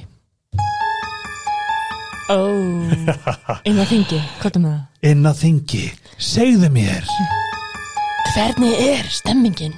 hvernig er það fá pólitíkusar einhvers konar sálfræðþjónustu eða leifinningu til þess að vera gott fólk Já, um, já, það er hægt að fá svona, svona vinnustæða sálfræðinga og, Ok. og annað og, og ég held að þú eigir svona geti fengið einhver svona leiðsögn en ég held að það verði hægt að gera betur í því að vera bara með handliðara sérstaklega sko þegar það eru mikil átök mm -hmm. og eins og núna á þessum COVID-tímum Mm -hmm. þar sem að sko alþingi er svolítið kift úr sambandi af því að veist, það snýst allt um COVID þú veist, við þurfum að bjarga efnahagnum þú veist, það eru 30.000 manns mögulega að koma á veist, það er 10% þjóður en stíði sko. og það er bara ótrúlega stóra verkefnum framöndan þá er þetta skipti mála hausins í lægi Mm -hmm. og sálfræðingurum minn. Sem að ég er búin að vera hjá síðan ég var 17 ára. Aha. ég, þú veist, ég kom út á skápnum með henni skilur, ég bara Ah. öll stóru skrefin í mínu lífi hef ég tekið með henni. Og, hérna, og bara sjátt á hana, hún er bara, hún er best. Og hún sagði við mig þegar ég fór að starfa þarna, ég sem sagt var ákveða á ég að fara að vinna fyrir þórgerð eða ekki? Þú veist, á ég að fara inn í þetta á ég að fara inn í hennan heim? Af því ég eru þetta, þú veist, bak við tjöldin þú veist, en ég, maður er samt í ringiðunni uh, og hún sagði við mig bara, Marja myndu bara að það er mjög erfitt að halda haustnum edru Mhm. í pólitík Mhm. þá er ég ekki að tala um fí- fysiskt að það sé erfitt að drekka ekki áfengi Nei. heldur bara hausinn manns af því þarna eru völd Mhm. og þarna eru ákvarðanir Mhm. þú ert að gamla með líf fólks Mhm. og lífsviðværi passa hausinn þú veist, maður þarf að passa hausinn að hann sé edru í pólitík og ég held að það sé eitthvað sem að margir gætu gert betur að veist að passa sig, veist, að staldra við þegar æsingurinn er orðið mikill sko. Að taka skrið tilbaka og hugsa byrju, fyrir hvernig erum við að þessu aftur? Þetta er líka bara mjög gott ráð bara í lífinu. Já, bara halda Er hausnum edrú, hausinn minn edrú? Er hausinn minn edru þú veist, hérna, Þetta er eitthvað sem ég er búin að þurfa að gera mjög mikið. Ég er Já. að lenda í miklu áföllum núna svona upp og já, og ég þarf alltaf að hugsa ég ætla ekki að láta þú veist ego mitt svona responda. Nei, af því að völd skilru Já. hafa sálræn áhrif, auðvitað hefur það áhrif á mann að geta allt í einu haft, á, veist, haft áhrif á það hvernig samfélagið er. Þú veist, það, það er ekkit það er ekkit lítið, það er ekkit smámál. Að, Segið þið bara hæfi hvert annað á göngurum já, já, já. Segið þið alla hæ? Já, já, Ok. ég, ég, ég er bara þannig manneskja, sko, þú veist, ég, ég nenni ekki að vera í einhverjum, En ég er drama bakvið, bakvið þú veist, er bara, er, Já, veist, já. er þetta bara mean girls? Já, já, sérstaklega sko, svona undir lokin alltaf. Já. það er svona, þú veist, það er verið að keira allt í gegn, þú veist, koma fullt af einhverjum málum inn og það er verið að semjum þinglok, þú veist, hvernig við klárum þetta. Þá verður bara svona bara svona svifting í húsinu, maður lappar inn og maður svona, úf, lappar að vekk, það er bara svona ramagnað andrumsloft Hvernig er það það að koma heim? Já, það er búið að vera þryggjára, þú veist, æfing okay. að taka ekki vinnuna heim einmitt. og ég er alltaf að reyna að gera betur í því þú veist að, að svona, en þú veist af því að pólitíkin er allstaðar þá er pínu erfitt að vera ekki alltaf í vinnunni að Mhm. maður alltaf að pæla og, og það sem ég elska mest er að tala við fólk Mm. heyra í fólki og hvað það finnst. ágætlega ég sé vel sko. já en þú veist líka bara þú veist, okkar líf breyttist mjög mikið fyrir tveimur árum Mhm. Eftir engir ef greindist með flóaveikin og það allt þá svona tónum við okkur svolítið niður Mhm. og hérna og það hefur hjálpað mikið til líka þú veist, hættum báður að drekka Mhm. sem að er, þú veist, fyrir mig mjög gott Mhm. bara skref ekki það, þú veist, ég drakk ekki illa en það var bara svona minna noise skilur þau, Hvað var eftir hún er Jóhanna Guðrún sagði eitthvað, hún fekk ráð frá Magnús Skeving eða Mm. eitthvað mm, það var um þetta ef þú tekur áfengi út já. þá sleppur við eitthvað. Kvíðan líka. Kvíðan þú veist, og, og samvinskupitið og, og þú veist, af því að, ég meina, við fórum nú alveg á góð fyllir í saman áður fyrr jú, jú, en jú, við náðum því alveg en, en þú veist, það er þetta sko þú veist, ég er alltaf með fókus Mhm. þú veist, og hérna, en ég fyrir alveg út og skemmti mér og Mhm. þú veist, ég get ekki beðið eftir að komast aftur og kíkja að dansa með þér, sko einn daginn á næstu tíu árum, einhvern bara tímann. vaksín kondu er að djóka, sko, heitir vaksín á íslensku? uh, bólefni. Bólefni kondu maður. Nei, þú veist, fyrsta sem ég gerum er að fara og kíkja að dansa. 100% en þú veist, það var eiginlega kannski bara meira þetta frelsi sem að ég fann fyrir. Og það hefur líka hjálpað til eins og með svefnin og annað, þú veist, að, að, þú veist það er svona mér finnst ég að hafa hakkað lífið einhvern veginn með þessu. En þú veist, ég er samt, þú veist elska alla sem að ákveða að drekka áfengið, þú veist, þetta er ekki, nei, nei, veist, ég, þetta er ekki eitthvað svona ég er betur en þið, nei, nei, nei, þetta bara hendaði mér ógeðslega vel, mjög óvænt af því að ég var alveg, þú veist, yngir ef hætti fyrst út af flóaveikinni Mhm. bara samkvæmt læknisráði. Mm -hmm. og hún var bara eitthvað, Marja, þú veist, þú færði bara í glasið þú vilt. Og svo svona hægt og rólega var ég bara eitthvað æ, þú veist, það var pínu leiðilegt að vera alltaf eitthvað ein, þunn hún fersk og eitthvað þannig að þú veist, á endanum var ég bara, ég ætla að taka mánuð í pásu. Og svo bara eru það tvö ár núna? Ég hætti þrjú ár og Já. ég get ekki lísti hvað þetta betur um bætti lífið mitt og sérstaklega bjóð til hvað ég náða að þróa jákvætt samband við áfengi í dag. Já, og líka sjálfsmyndin þú veist að því ég held að maður gæti ekki dansa til dæmis nema Já, maður er fullur og það finna við það, ef þú bara dansa úslega mikið þá halda allir að sérst fullur, það er nákvæmlega sama dæmi ég var alveg fengið daginn eftir bara djöðl varst þú drukkin í gerð ég bara hmm, job well done only knew Marja, hvað er besta ráð sem við fengið í lífunni? um, besta ráð sem ég fengi í lífinu var frá langömmu minni sem hétt Marja og ég ólst upp hjá. Og hún sagði við mig að það skiptir engum máli hvað þú gerir í lífinu. Ef þú ert heiðarleg og einlæg þá ertu alltaf með hérna, uh, þitt á hreinu. Af því að þá getur enginn véfengt það hver þú ert. Af því í heiðarleikanum Já. þá, þú veist, maður getur allan að vera heiðarlegur. Þú getur verið ósamlega en ég er allan að vera heiðarleg. Og ef ég er einlæg með það sem ég geri að þá er maður bara að vera maður sjálfur. Svo getur fólk haf- haft skoðanur á því Þetta var kona fætt 1907, takk fyrir Í bent alvöru? Algjör skurungur Þetta er eins og í Múlan núna nýju myndinni, það Já. var einmitt stikkurinn To be loyal, brave and true. Já, það er amma mín, svolítið. Ó, það? Já. Hvað er framöndan? Hjá mér, Í alþingi, raunveruleikin, yngileif hins eiginleikin og, hins og bara- einleikin Guð, já. Bæði og ég glemdi Þú og yngileif er Mhm. með podcast í raunveruleikin Já, uh, sem að sprakk á fyrsta þætti mm og sem var okkislega gaman. Ógeðslega gaman. Og svo eru þið náttúrulega stjórnendur og hug, hugsjónar uh, lessurnar á bakvið Hins einleikan sem kom út 2016 svo sannlega tekið lí, bara Ísland með stormi. Já, og við vonum að það hafi hjálpað til við að breyta pælingunum með staðarmyndir Einmitt. og fyrirmyndir. Mm -hmm. það er svona core koncepti, við erum að gefa út barnabók Sem kemur út núna í haust sem heitir Vertu þú. Og og verður hérna svolítið svona teng, tengist hins einleikanum uh, svo erum við fyrirlestra við erum að halda lesarar. fyrirlestur út um allt. Svo er ég 100% vinnu og Ingileif er hérna náttúrulega bara með sitt allt líka sko.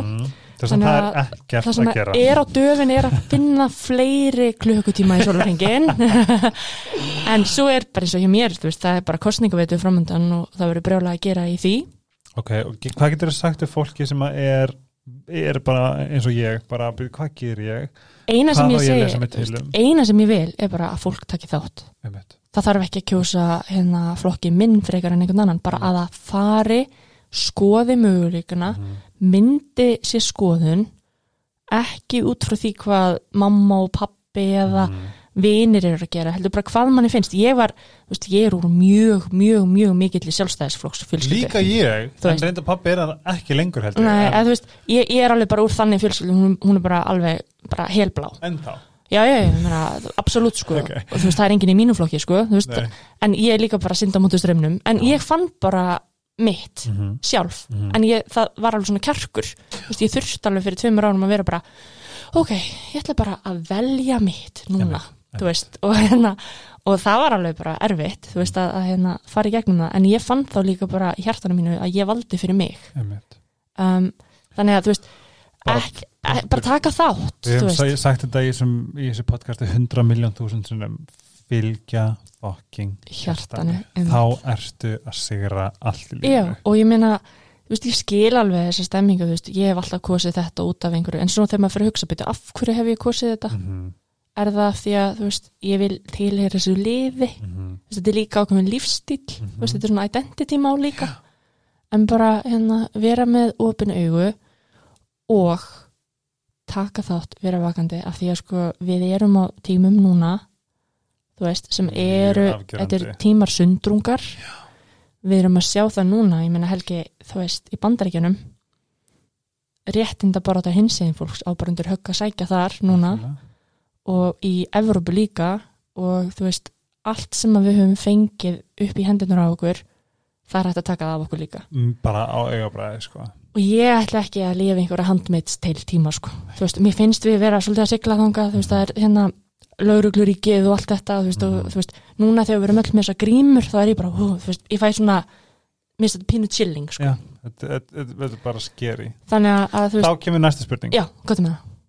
Hvað viltu sjá, segjum, fimm ára tímabil. Hvað, hver er þinn draumur innan pólitík?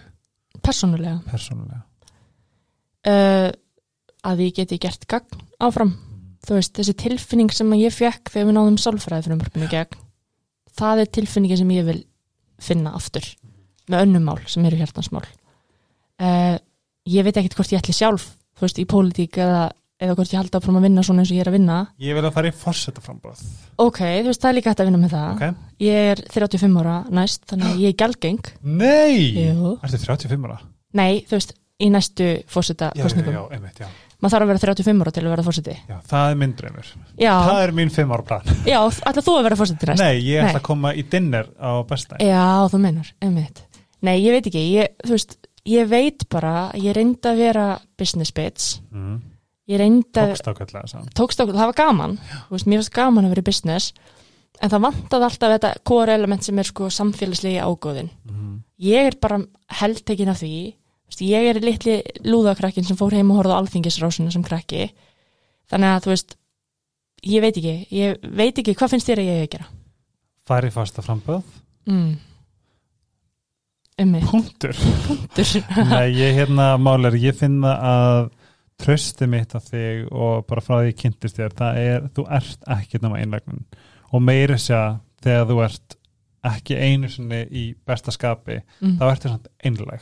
Skilju, þú aktar út frá einlægni. Mhm, þú veist, það eru margir sem aktar út frá egóinu. Mhm.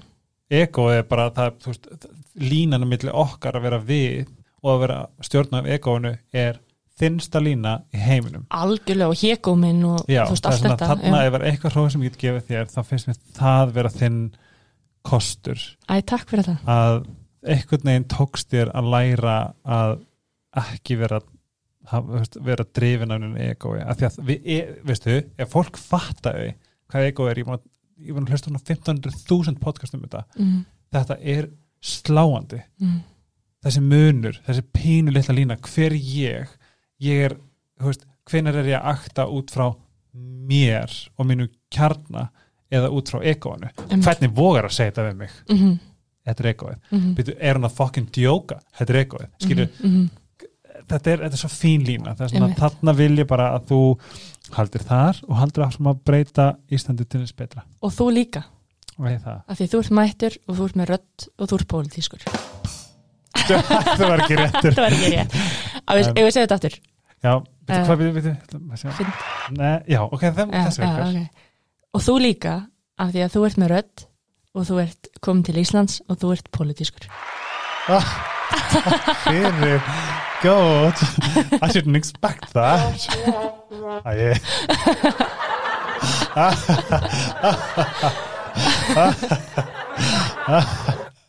Já Já. uh, þessi takkar eru Núna. Þetta er guðskjöf þetta er guðskjöf hérna, það er spurning hvort að við tökum ég, ég en samt, fyrst og fremst vil ég bara fólk taki þátt í pælum í pólitík. Já, og bara, pælum í pólitík fer fram á Marja Rut á Instagram. Já, og er bara á sunnudögum á sunnudögum. Það eru svona dagarnir sem ég hef tíma. Já, og, Og- þú ert komið frá myndalina, ég rána með það líka. Já, heyrðu, það er skref maður. Ha? Ég var alveg bara, ó, þetta er, þú veist, ekki það, þú veist, það finnast að við mig og Aha. er einhvern veginn að, að fólk var farið að halda að ég veri algjör introvert og ég var einhvern veginn bara, þú veist, feimin og eitthvað svona. Ég er það ekki raskat, sko. Ég, ég er extrovertin í okkar sambandi, Ingelif er introvert. mm. En hún var bara búin að æfa sig svo mikið með þessa frontkameru, hún alltaf var snappari og allt þetta. Ég er bara fjórum árum eldri. Mhm. Ég legg það bara borðið ég var bara ekkit af þessari kynsluð sem að, veist, var á Instagram snemma og eitthvað svona, já, þannig að veist, þetta er ég er bara tilenga mér þetta mm. og ég ætla mér bara að vera í frontkamerunu að tala um pólitík og, og koma með, ég ætla, ég ætla að reyna að vera með svolítið svona skemmtilega nálgun veist, gera pólitík skemmtilega. Og gera pólitík þannig Mannlega. að við skiljum hana, við fá mennskuna inn í pólitíkina og hún sé skemmtileg að hún sé, þú veist, kveikja á einhverjum ljósapjörum hjá okkur. Einmitt. Og þú veist, ég er ekki þarna að fara að vera bóðberi einhvers flokks Mhm. heldur meira að útskýra bara hvernig hlutinir eru emmett ég mun alveg koma með mína skoðun Mhm. en það fallega við pólitík er að fólk má hafa aðra skoðun nákvæmlega þannig að það, það er líka bara að æfa sig í því að máta betur, hvað finnst mér um þetta Mhm.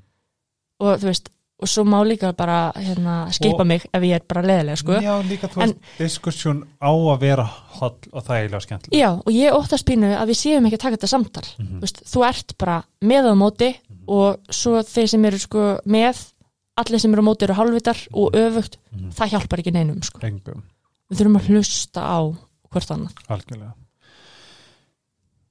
Raunveruleikin Mhm. á öllum podcast veitum Mhm. með Mari Rutt og Ingi Leif. Heima í stofu, það er mjög fyndið.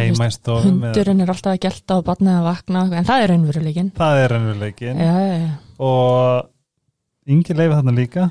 Um, sjátt á Ingileif, Oh my god, eigum við að byrja? Já, byrjum Við tökum næstum við elskuðum meirinn allt Ingi Leif. Tökum næsta þátt bara, tölum um Ingileif Ég, ég, ég gæti gert þetta sko. já, uh, Látum hún sjá. Marja Rutt á Instagram. Mhm, Ingi Leif er Ingi Leif á Instagram. Mhm. Ingi Leif F. Já, og ég er bara mjög þakklur fyrir að þú komst í þetta pólitíska fyrsta pólitíska spjall. Ég kýsum að kalla þetta bara pólitík 101 já, takk fyrir að fá mig og ótrúlega gaman að tala við þig um pólitík. Já, minnst það ógislega gaman. Á en gaman, þú ert velkomin aftur hvena sem er. Já, og ég er með vörhandar frá Sítokær sem að þú ætti að fá. Þessi þáttur var í bóði Sítokær og ef þið viljið pröfa vörnar þær eru marg verleinaðar takk og pent. Bara bestu vörur sem ég hef notað á mínu húð. Það er bara þannig. Vann uh, bæði gull og brons mm -hmm. og Global Makeup Awards. Sem er eh, ísa dæmi. Það er hjút mm -hmm. og líka bara vörna sem voru að keppa með. Þú veist þau eru að keppa með stærstu bröndum í heiminum. Emitt. Um, ehm, Helgaspjallið gefur afslátt á uh, heimasíðan þeirra. Bæði Helgaspjallið með eð og D þess að þið ráðu hvernig noti og ef það er eitthvað sem eitthvað langar að pröfa þá myndi ég klárlega að mæla með face creaminu. Það er, það er eiginlega B.O.B.A. það er það sko. Það er það. Það er það, ég er búin að nota það núna í tvo mánuði Og- og, bara bitch you look good. Mm og Dominos er einnig vinu minn að helgarspjallin ég trúi ef þetta ennþá en megavegan er að klárast. Ég fekk mér megaveku ég trúi ekki að sé að segja þetta upp á þetta en ég fekk mér fjórusunum eðlilega, oh, bara nýta tíman er það samt ekki samfélagslega samfélagi? jú, á þessum tímum, Já, eða bara öllum tímum. Nýju uppáhalds pizza mín er Blaze. Blaze, þú verður að smaka oh hana. my god, hvað er á henni? það er sko, er bara alltaf sterkar. Það er bara chili, jalapeno, stert pepperoni pepperoni, hvítlugur og svart pipar og svo ertu bara rauður í framann bara Oh. það sem en hún kemur stórt kannu ekki eins heitum er heldur ok, það svona, þú kemur með hérna eina heita til okkar ég til það ég ekki? það sé staður en dag, að ég get alveg bara komið aftur ég minna, ertu ekki bara komið í kvöld? Kínaskák, kínaskáp? nei, ert þú að fara að gera þú ert þetta að fara að gera pólitík já, ég gerði það bara Jæja, finnum um, út úr því. e, takk fyrir að hlusta. Ég vona að þið hafið haft já, gaman og ég. Og takk podcastuðin til að hjálpa mér uh, fyrir að hjálpa mér með aðstöðu. Um, já, bara Instagram mitt er Helgi Ómarsson ég flytur heim. Helgaspilli verður með ykkur á í hverju viku og bara takk fyrir mig. Takk Sít og Care, sítokare.is og Dominos, Dominos.is þið eru geggjuð. Verið bless. Elsku vinnir og hafið það gott. Bye. Nei. Nei